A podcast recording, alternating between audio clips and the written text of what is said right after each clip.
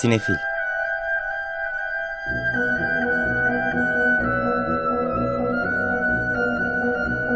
Hazırlayan ve sunanlar Melis Behlil ve Yeşim Burul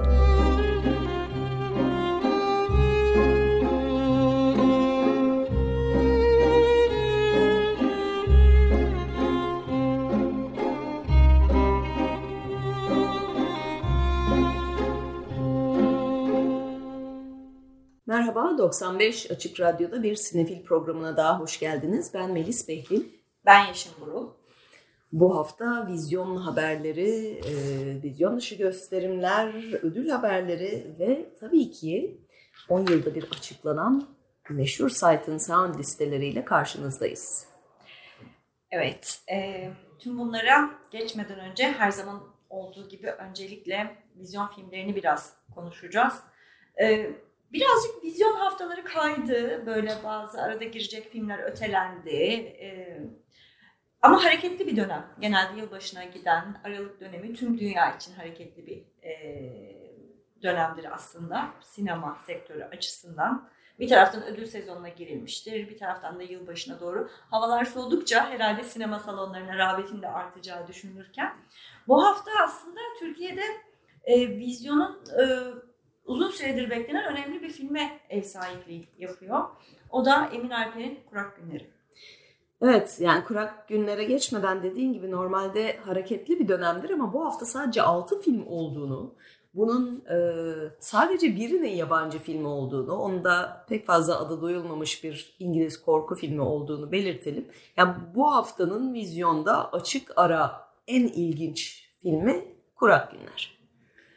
Evet, e, ve de aslında hak ettiği ve de e, umduğumuz şekilde de oldukça çok sayıda salonda vizyona giriyor. Bu da dinleyicilerimiz için güzel bir haber olarak buradan paylaşmış olalım. Çünkü geçtiğimiz hafta boyunca çok sık da nerelerde gösterilecek, nasıl gösterilecek gibi sorulara da maruz kaldık. Bir takım ön gösterim biletleri e, satışa çıkar çıkmaz bitti. Onu da söylemek lazım. Yarım saat içerisinde biten biletleri biten gösterimler var. E, o yüzden 118 salonda gösterime giriyor. Emin Alper'in son filmi Kurak Günler. Başrollerinde Selahattin Paşalım, Ekin Koç, Erol Babaoğlu ile Erdem Şen Ocak yer alıyorlar. Film Cannes'da premierini yapmıştı. Yani bu hafta zaten yerli filmlerin arasında öne çıkıyor ama uluslararası çapta da adı duyulan filmlerimizden. E, ardından Türkiye'de premierini Antalya'da yaptı. Orada bir ödülleri topladı. En iyi yönetmen erkek oyuncu Selahattin Paşalı, yardımcı erkek oyuncu Erol Babaoğlu, sinematografi, kurgu ve müzik ödüllerini aldı jüriden. E, Cahide Sonku ödülünü ayrıca aldı. Çiğdem Mater bu filmle. E, Siyad ödülünü de aldı Antalya'da. Ardından Ankara'ya geçti. Orada da en iyi film, senaryo, erkek oyuncu, yardımcı erkek oyuncu. Bu sefer Erdem Şen Ocak yardımcı kadın oyuncu Selin Yeninci ve kurgu ödüllerini aldı. E, hakikaten hani bu senenin zaten en ilgi çekici yerli yapımlarından biri. E, bir yandan da e, son dönemlerde gördüğümüz bazı Türkiye sinemasındaki bazı eğilimleri yine burada da görüyoruz. Böyle biraz e, biraz distopik ama bu çok daha net aslında günümüzde geçen ama hani Yanıklar adı verilse de aslında olmayan bir kasabada geçen bir Ama aslında hikaye. da çok yerde olan. Çok yerde olan, her yerde olan ama ayrıca ta, tabii hani Emin Alper sinemasını biraz bilen herkesin tahmin edebileceği gibi Yanıklar zaten bir Türkiye alegorisi. Bazı noktalarda son derece açık bir şekilde de bunu dile getiriyor filmin kendisi. Ee, ama genç bir savcı Emre Yanıklara tayini çıkıyor. Ee, bayağı da idealist, iddialı, hızlı bir şekilde geliyor. Ama tabii ki ondan önceden birikmiş pek çok sorun var kasabada. Pek çok kavga var, pek çok itişme var. Yozlaşma. Yozlaşma var ve onun ortasında buluyor kendisini. Ve e, şeyi de söylemek lazım tabii. Bütün bu meseleleri ele alırken son dönemde Türkiye sineması birazcık kaçak oynuyordu da diyebiliriz. Daha sembolik ve göndermelerle dolu bu meseleleri ele alırken Kurak Günler'in konuya çok daha damardan girdiğini söylersek çok da abartmış olmayız diye düşünüyorum. Evet. İlginç taraflarından biri temposu çok yüksek bir film. Ee, süresi uzun biraz ama e, hissedilen süresi bence öyle değil. E, biraz yani ben ilk izlediğimde koltuğuma çivilemişti. E, bittiği noktada da biraz böyle kalkmakta zorlanmıştım. Melis'in de dediği gibi aslında şu an içinde yaşamakta olduğumuz ülkeyi, kendimizi içinde bulunduğumuz pek çok durumun e, Yanıklar kasabası özelinde böyle bir mikrokozmos gibi bize anlatıyor. E, filmin başrollerinde Selahattin Paşalı ve Ekin Koç iki genç oyuncu, e, genç savcıyı Selahattin Paşalı canlandırıyor. Ekin Koç ise bu kasabadaki muhalif gazeteci kimliğiyle bilinen Murat karakterini. Tırnak içinde Tırnak muhalif. içinde muhalif. E, filmin bu e, ana kahramanları gibi gözükse de yan rollerdeki Erol Babaoğlu ile Erdem Şen Hoca'nın performansları bence filmin seviyesini çok daha yukarı yükseltiyor. Filmin e, bunlar şey karakterleri, netameli karakterleri, e, oranın o kökleşmiş yozlaşmasının farklı veçeleri diyebiliriz bu iki oyuncunun canlandırdığı e, karakterler için. Ama e, o kadar iyiler, o kadar iyiler ki e, o yüzden bütün bu zaten ödülleri alarak geliyor olmalarına da şaşırmamak lazım. Selin Yeninci'yi de analım. O da e, Çok uzun bir rol değil, çok büyük bir rolü yok ama Evet. çok etkili. evet oradaki hakime canlandırıyor. E, tempo konusunda yani iyi bir temposu var ama süre konusunda ben her zaman biraz daha kısayı tercih ederim. E, onu yani bir eleştirim olacaksa filme dair o olur. E, ama hakikaten böyle bir her ne kadar tamam gerçek bir olay değilse de Yeşim'in dediği gibi, gibi gerçek bir sürü olay aslında. Çok tanıdık şeyler, çok tanıdık cümleler. Ee, bir yandan bunu yaparken çok da görmediğimiz Türkiye sinemasında e, kurguyla da oynayan, hafızayla da oynayan, e, öyle onu dümdüz de anlatmayan bir tarafı var ki zaten o tempoyu e, çok daha ilgi çekici kılan e, Hı. ve süresine rağmen dediğin gibi aslında hissedileni e, çok daha kısa gelmesinin nedeni bir yandan da o çünkü bir yandan da tam ne olduğuna dair hep bir soru işaretiyle iz- izliyoruz. Çok da ipucu vermeden izleyecek seyircilere. E, yani bu senenin en iyi yerli yapımlarından biri. Emin Alper'in sinemasını zaten ikiniz de seviyoruz. Bu dördüncü uzun metraj filmi. Ben Emin Alper'in aynı zamanda bugüne kadar yaptığı en iyi film olduğunu da düşünüyorum. Yani e, Emin Alper'i daha önce konuk ettik ve e, şimdiden belki söyleyebiliriz dinleyicilerimize. Önümüzdeki hafta da programımızda konuk olacak. Kendisi yönetmenle birebir daha uzun uzadıya konuşacağız filmini. E, önceki filmleriyle de konuk olmuştu bize sağ olsun ama e, işte Tepe'nin Ardı, Abluka, Kız Kardeşler derken e, bence Kurak Günler hakikaten yönetmenin şu anda yapmış olduğu en iyi film. Zaten Cannes Film Festivali'ne seçilmiş olması da bunun bir göstergesi. Ve ayrıca şunu da düşünüyorum. Bir, belirli bir bakış bölümüne seçilmişti ama yarışma filmlerinin bir kısmını izleme şansımız oldu bu sene yarışmaya seçilmiş olan filmleri. Rahatlıkla bence yarışmada da olabilecek bir film. Yani bazı yarışma filmlerinin çok daha kötü olduğunu düşünüyorum. Ama o her zaman öyledir zaten. Yani belli bir bakış bölümüne girmek aslında sinema severler için hani daha ilgi çekici bir film olduğunu da gösteriyor. Bir de e, geçen hafta duyurmuştuk Avrupa Film Ödülleri'nde de en iyi kurguyu aldı. E, Özcan Vardar ve Eytan İpeker'i tekrar tebrik edelim. Ben de o arada görmüş olduğum filmi niye aldıklarını da çok rahat anlıyor insan tabii. Yani dediğimiz bütün o tempoyu, bütün o gizemi filmin kurgusu yaratıyor. Bir de Avrupa Film Ödülleri'nde daha önce herhangi Türkiye'den bir film böyle bir ödül almadı. Yani daha önce Nuri Bilge Ceylan'ın Mayıs Sıkıntısı Fipresk ödülünü almıştı. Ki Fipresk ödülü sinema yazarları ödülü. Yani o açıdan yine baktığımızda e, kurgu ödülü ise teknik bir ödül olduğu için jüri tarafından verilen bir ödül. E, Akademi üyeleri tarafından. akademi üyelerinin e, şeyiyle oylamasıyla bu da çok kıymetli. Yani e, esas ana kategoriler birazcık daha böyle bir popülerlik yarışmasına dönüşüyor ama teknik e, kategorilerde hakikaten alanın uzmanları tarafından verilen bir ödül. O açıdan tekrar çok tebrik etmek gerekiyor e, Özcan Vardar'la Eytan İpeker'i. Emin Alper ise e, hakikaten yıla damgasını vuran, belki de yani sadece bu yıla değil bu dönemimize damgasını vuran e, bir film yapmış durumda. E, bir sinefil olarak bu hafta sinemaya hani bu sene hiç film görmediyseniz, görmeyi düşünmüyorsanız bile bence Kurak Günleri izlemeniz gerekiyor. E, herkes izleyecek üzerine konuşacak sonra. Evet, Ba- evet. spo- Yani öyle olması gerekiyor. falan dememek adına aslında ilk hafta sonunda izlemekte fayda var.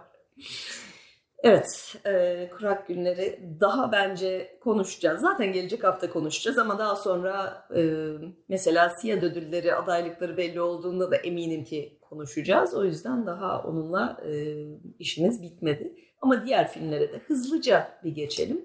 Dediğimiz gibi çok yerli yapım ağırlıklı bir hafta. E, Elif Ana var bir dönem filmi. E, ilginç bir şekilde Semir Aslan Yürek ve Kazım Öz birlikte yazıp yönetmişler. İkisi de tanınmış isimler ama bir arada benim şahsen düşünemeyeceğim iki isimdi. Başrollerde Aliye Uzun Atağan, Ali Sürmeli, Sermiyan Midyat ve Orhan Aydın yer alıyor. E, yüzyıl başında yani 20. yüzyıl başında Kahramanmaraş'ta doğan orada e, bilge bir kadın olarak hatta ermiş olarak kabul edilen Alevilikte analık ünvanı almış olan bir kadın ve hikaye hayatının sonunda başlıyor. Onun hayatını izliyoruz. Böyle bir şekilde 20. yüzyılında içinden geçmiş oluyoruz Elif Ana ile. İki tane de yerli komedi filmimiz var. İlki Raşit Çelikezer'in Sil Baştan Kaynana adı. Alga Eke, Alper Saldıran, Zeynep Eronat ve Osman Dabak başrollerindeler. Burada da Alga Eke'nin canlandırdığı e, gelin karakteri düşüyor ve başını çarpıyor ve hafızasını kaybediyor. Son bir buçuk seneyi hatırlamıyor. Dolayısıyla evlendiğini ve hani içinde bulunduğu durumu falan unutuyor. En son bir buçuk yıl önce e, evlenmeden önceki halini hatırlıyor. Dolayısıyla bunun üzerinden dönen bir e, komedi. Çünkü eşinin kendisini ona tekrar tanıtması ve aşık etmesi gerekiyor. Bir yandan e, kaynanasının da e, bazı çekilmezlikleriyle kendisini kaynana olarak tanımadığı için gayet rahat başa çıkabiliyor ve de... E... Kaynanası da zaten şey kafasında bizim gelin bozuldu ben yenisini bulayım. Evet, evet e, böyle bir aile komedisi Gerçi diyelim. filmin adının sil baştan kaynanam olması ise bize tamam şeyi çağrıştırdı.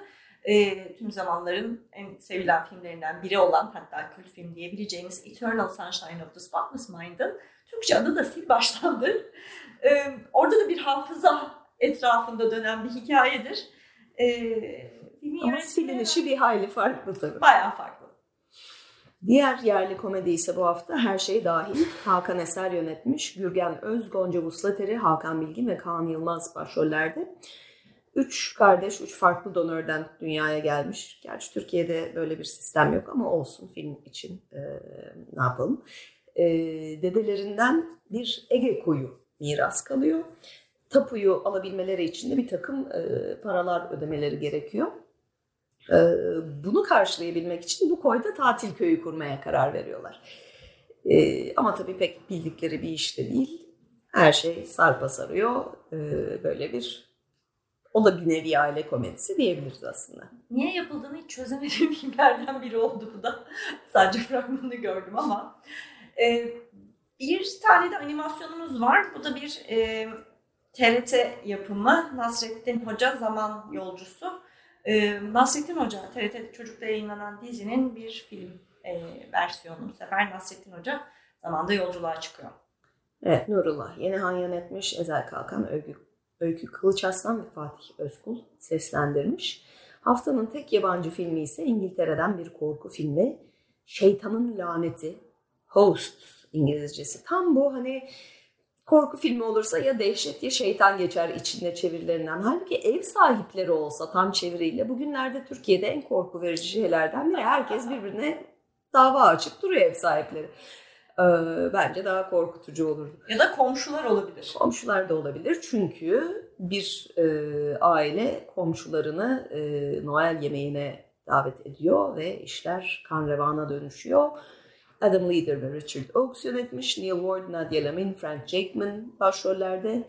İngiltere'deki korku ödüllerinde, Fright Fest ödüllerinde en iyi ölüm ve en iyi öldürme ödüllerini almış. Ee, yani slasher sevenlere e, uygun diyelim. Tekrar dönüp Kurak Günler bu haftanın filmi diye tekrar edelim. Evet, bu hafta vizyonda Kurak Günleri izlemek için e, doğru bir zaman diyelim. E, alternatif gösterimler açısından bakarsak da e, hızlıca programımızda Sinematek'teki gösterimler devam ediyor. İstanbul'da bu akşam saat 8'de The Last Picture Show, Peter Bogdanovich'in e, artık klasikleşmiş filmi izleyicilerle buluşuyor. Yarın e, 14'te Marcel Carné'nin Gün Ağırıyor ve 18.30'da Jean Renoir'dan Oyunun Kuralı var. Pazar günü 14'te Tankut Kılınç'ın yönettiği Dersaadet Apartmanı var. Yeni Türkiye e, sineması gösterimleri kapsamında. 18.30'da ise Marcel Carné'den Cennet'in Çocuklarını izleyebilirsiniz. Evet, Beykoz Kundura'da da James Bond gösterimleri devam ediyor. Daha önce bahsetmiştik. Ee, bu hafta sonu Altın Tabancalı Adam ve Beni Seven Casus var. Gelecek hafta sonu ise Ay Harekatı ve Altın Çocuk Beyrut'ta pazar günü. Şimdiden biz söyleyelim 18'i pazar günü bizimle bir söyleşi yapma e, ihtimalimiz görünüyor. Beykoz Kundura'da James Bond ve Altın Çocuk üzerine. E, haftaya detayları paylaşırız sizlerle. E, tam bu Roger Moore dönemine girdi bu haftalarda. Bizim çocukluğumuzun James Bond'ı ilk bildiğimiz, ilk sevdiğimiz, sonra biraz daha öğrendikçe ya tam da James Bond değilmiş galiba bunlar dediğimiz ama hala kalbimizde yerleri var bu filmlerin. Evet bir diğer gösterim haberi de önümüzdeki haftadan ama şimdiden duyurmak istiyoruz size. Ee, birazdan haberini de vereceğimiz e, British Independent Film Awards'da bu hafta hakikaten ödülleri silip süpüren e, After Sun filmi Pera Müzesi'nde, Pera Sinema'da özel bir gösterimle e, seyircilerle buluşacak. 16, 17 ve 23 Aralık'ta. 16 ve 23 Aralık'ın galiba biletleri tükendiği için 17 Aralık'a da bir ek gösterim koydular. E, peramüzesi.org.tr adresinden e, ulaşabilirsiniz. Evet 16 ve 23'ünde e, Cuma akşamları saat 8'de 17 Aralık'ta da saat 3'te gösterilecek. Bu senenin en çok konuşulan filmlerinden biri olduğu ve henüz film ekimi dışında da bizde gösterilmediği için büyük ilgi var After Sun'a. Evet After Sun demişken o zaman bu British Independent Film Awards dediğimiz Britanya bağımsız e, film ödüllerine de geçebiliriz. Evet, en iyi film After Sun diye başlayalım o zaman. evet. E, After Sun en iyi e, filme aldı. Aynı zamanda yönetmeni Charlotte Wells en iyi yönetmen ödülünü getirdi. En iyi senaryo ödülünü getirdi. E, yani bu sene hakikaten e, bağımsız sinemada İngiltere'de en ön plana çıkan film oldu. Daha önce bu filmden bahsederken söylemiştik ama filmin Fethiye'de geçtiğini de, Fethiye'de çekildiğini de tekrar bir hatırlatmak lazım. İngiliz bir e, baba, kız, e, 90'ların başında geçiyor galiba da 80'lerin sonu gibi bir dönemde. Tatil için Fethiye'ye geliyorlar. Onların hikayesi. Evet en iyi ilk yönetmeni de aldı Charlotte Wells ki o tabii biraz haksızlık olmuş oradaki diğer yönetmenlere iki dalda bir de birden yarışınca. Ee, Britanya Bağımsız Ödülleri de e, oyuncu performans ödüllerinde cinsiyeti kaldıran ödüllerden. En iyi ana performansta Blue Jean ile Rosie McEwen, e, en iyi yardımcı performansta da yine Blue Jean ile Carrie Hayes aldı ödülleri.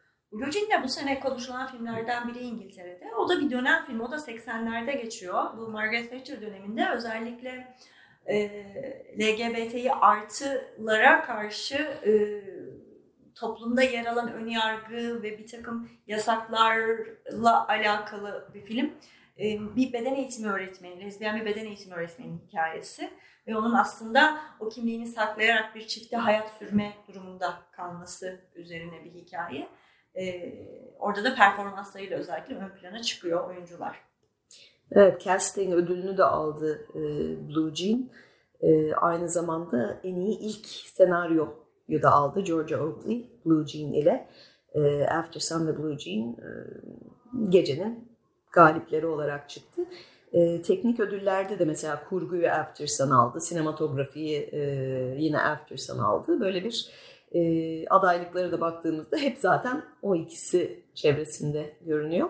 E, After Sun'ın makyaj ve saç tasarımında da ödülü almamış olsa bile Oya Aygör ve Murat Çağ'ın aday oldular demin eşimin de dediği gibi e, Türkiye'de çekildiği için müzik de After Sun'a gitti. E, biz de heyecanla gelecek haftayı bekliyoruz Pera filminde izleyebilmek için. E, burada e, en iyi kostüm tasarımı Jenny Bevan'a gitti tabii. E, Mrs. Harris Goes to Paris ile. O da bu sene özellikle bu konuyla ön plana çıkan filmlerden biri. Leslie Manville'in başrolünde olduğu bir film. O da Paris'e hakikaten alışveriş yapmaya giden böyle tatlı, o da bir dönem hikayesi.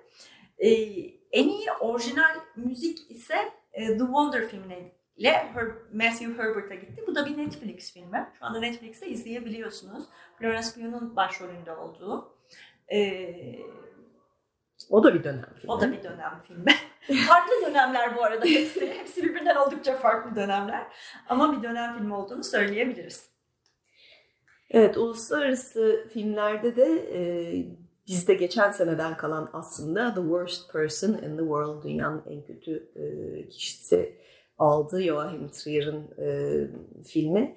E, oradaki filmler de biraz daha aslında büyük çapta ve adını duyurtan her ne kadar bağımsız olsalar da mesela e, yılın en çok konuşulan e, belgesellerinden All the Beauty and the Bloodshed orada yarışıyordu. E, Belçika'dan Close, Lucas Staunton filmi ya da Park Chan-wook'un Decision to Leave'i ve de Daniel'ların e, Oscar'lar için adı en tepelerde geçen Everything Everywhere All at Once'ı da uluslararası bağımsız yapımlar e, kategorisindeki isimlerdi. Bu arada bana ilginç gelen sanki bu listedeki The Worst Person in the World ödülü alan film sanki geçen senenin filmi gibi. Evet. Diğerleri bu senenin filmi. Evet. O yüzden bir, bir kaymış sanki. Muhtemelen İngiltere'deki, Britanya'daki gösterim tarihiyle alakalı bir şeydi. Ee, yani Britanya ve listeler ve ödüller deyince yavaş yavaş da son konumuza doğru geçebiliriz. Evet son konumuz deyince e, yani esas konumuz bekliyorduk bir süredir. E, anketlerin gönderildiğine, herkesin listelerine ilettiğinden haberimiz vardı. Ama e, aradan kaç sene geçmişti bir öncekiyle? 10, 10 sene, 10 yılda bir yapıyorlar. E, bu e, Britanya e, Film Enstitüsü'nün e, aslında yayını Sound dünyanın en prestijli sinema dergilerinden biri. 10 yılda bir yapmış olduğu tüm zamanların en iyi filmleri anketinin sonuçlarını açıkladı. Ve bu sene birazcık böyle bir deprem oldu diyebiliriz. Evet, 1952'den e, beri veriliyor ödüller. 1952'de ilk verildiğinde bir numarada bisiklet hırsızları varmış. Sadece 63 kişi cevap vermiş. Yani bir 90 kişiye falan yollamışlar. Hepsi cevap bile vermemiş ankete. Sonra ilgi görünce 10 sene sonra tekrar yapmışlar. Bu sefer Citizen Kane oturmuş bir numaraya. Ondan sonra da 72, 82, 92, 2002'de hep Citizen Kane bir numarada devam etmiş. O yüzden hep böyle hani tüm zamanların en iyi filmi Citizen Kane dendiğinde aslında oraya dayanarak söyleniyor bu. 2012'de o kadar yıl sonra ilk defa birincilikten e, indi, ikiye indi gerçi Citizen Kane de Vertigo oturdu o birinci Hitchcock'un e, film koltuğuna. O büyük bir değişiklik olarak kabul edilmişti. Ama Vertigo bir öncekinde de zaten iki numaradaydı. Ondan önce de hep ilk hep değilse bile ilk ondaydı bir süredir. Bu sene Yeşim'in dediği gibi o ilk onda tam bir deprem oldu. Çünkü o 63 kişiden 1600 kişiye geldik artık. Ve son anketten bugüne de böyle bir iki katına çıktı ankette e, fikre alınan akademisyenler, sinema yazarları, yönetmenler listesi de var. Ayrıca sırf yönetmenlerin seçkisine de bakmak mümkün zaten. Bir de orada sanıyorum e, o e, yani şeffaf bir liste mi emin değilim. Yani bütün isimlerin bir arada olduğu bir liste görmedim. Ama bu 10 sene öncesinden bugüne o ikiye katlanması sürecinde daha çoğulcu, e, farklı kesimleri daha fazla dahil eden bir liste oluşturmuş olmaları, daha çok kadın olması. Evet. E, bence de etkili oldu. Normalde bütün o listeleri zaten Sight and Sound sitesine de koyarlar. Herkesin listesine bakmak da mümkündür ama 1600 kişi olduğu için henüz yetiştirememiş olabilirler. Çünkü daha birkaç gün önce açıklandı. Ee, Twitter'da, Facebook'ta bu kişiler kendi listelerini açıklıyorlar zaten ya da yazdıkları yerlerde. Ama eminim hani bir iki haftaya herkesi görebiliyor oluruz orada.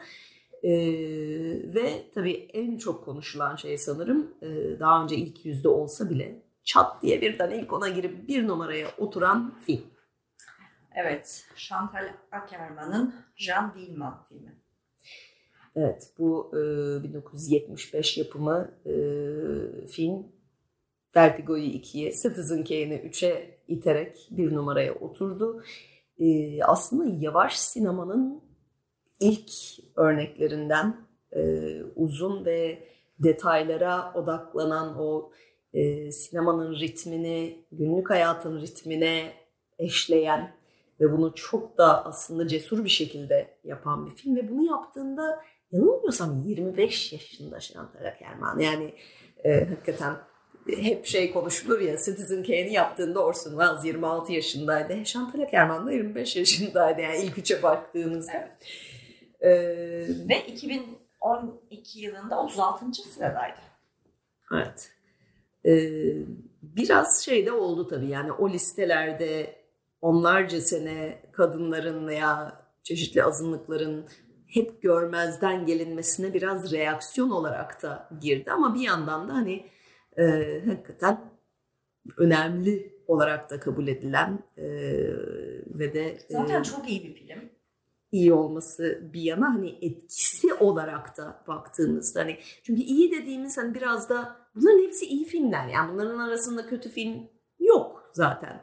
Hani biraz kişisel tercihlere giriyor, neyi sevdiğimize giriyor. Biraz da bence hani daha sonrakileri nasıl etkiledi de önem kazanıyor burada. O açıdan da Can Dilman'ın bir numarada olması aslında o kadar da şaşırtıcı bir şey değil belki de. E, karşılaştırma adına şeyi söylemek lazım. 2012 yılındaki o ilk yüzlük listede e, sadece iki kadın yönetmen varmış. İşte biri e, Chantal Ackerman, Jean Dilman ile, öbürü de Claire Denis, Beautreval ile. E, bu da çok ayıp yani. Hani 100 film içerisinde iki kadın yönetmen. Bu yıl en azından kadın yönetmenlerden ilk yüzde 11 film var. İlk evet. 20'de de 4 film var. Evet ilk onda da 2 tane var. Çünkü Beau Travail, o Claire Denis filmi o da ilk ona girdi. Ee, ve şey de ilginç. Ee, daha yeni filmler birden girdi. Daha önce olmadığı şekilde mesela ilk onda e, son 25 senede yapılmış filmler var. Mesela In the Mood for Love 5 numaraya girdi. E, yine 25 seneden o e, 7 numarada. Mulholland Drive David Lynch e, 8 numaraya oturdu ve yani bence gayet hak eden filmler. Bir takım klasikler tabii yine var. E, e, 2001 e, Space Odyssey gibi, The Man with a Movie Camera, kameralı adam gibi. E, ama beni çok mutlu eden bir başka şey de e, Singing in the Rain'in 10 numaraya gelmiş olması. Çünkü her zaman olmuyor bu listelerde. Komediler, müzikaller de biraz göz ardı Biz ısrarla koyuyoruz ama. Biz koyuyoruz evet. Benim ilk konumdan mesela burada Singing in the Rain, Kameralı Adam e, ve e, In the Mood for Love var. Benden ayrıca Mulholland Drive var. Evet. söyleyebilirim. Yani David Lynch'in ilk ona girmiş olması beni o kadar mutlu ediyor ki. E, tabii yani bütün bu filmler ilk yüze girerken bir takım bazı bence biraz önce tam senin dediğin gibi çok önemli ve çok etkili. Sinema tarihini değiştirmiş ve sinema anlatımına çok katkıda bulunmuş bir takım filmlerin ve yönetmenlerin de dışarı düştüğünü gördük. Ee, o da biraz üzücü oldu benim için. Mesela Robert Altman'ın Nashville'nin ilk yüzde yani mesela o da benim gönlümün sokacağı filmlerden biri olarak not düşebilirim buraya.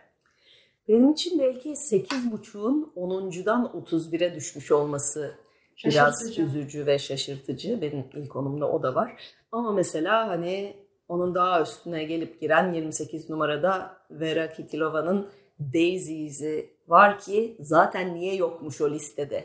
Ya da en yeni filmlerden bu listedeki galiba hatta en yeni film Selin Sciama'nın Portrait of a Lady on Fire. Ee,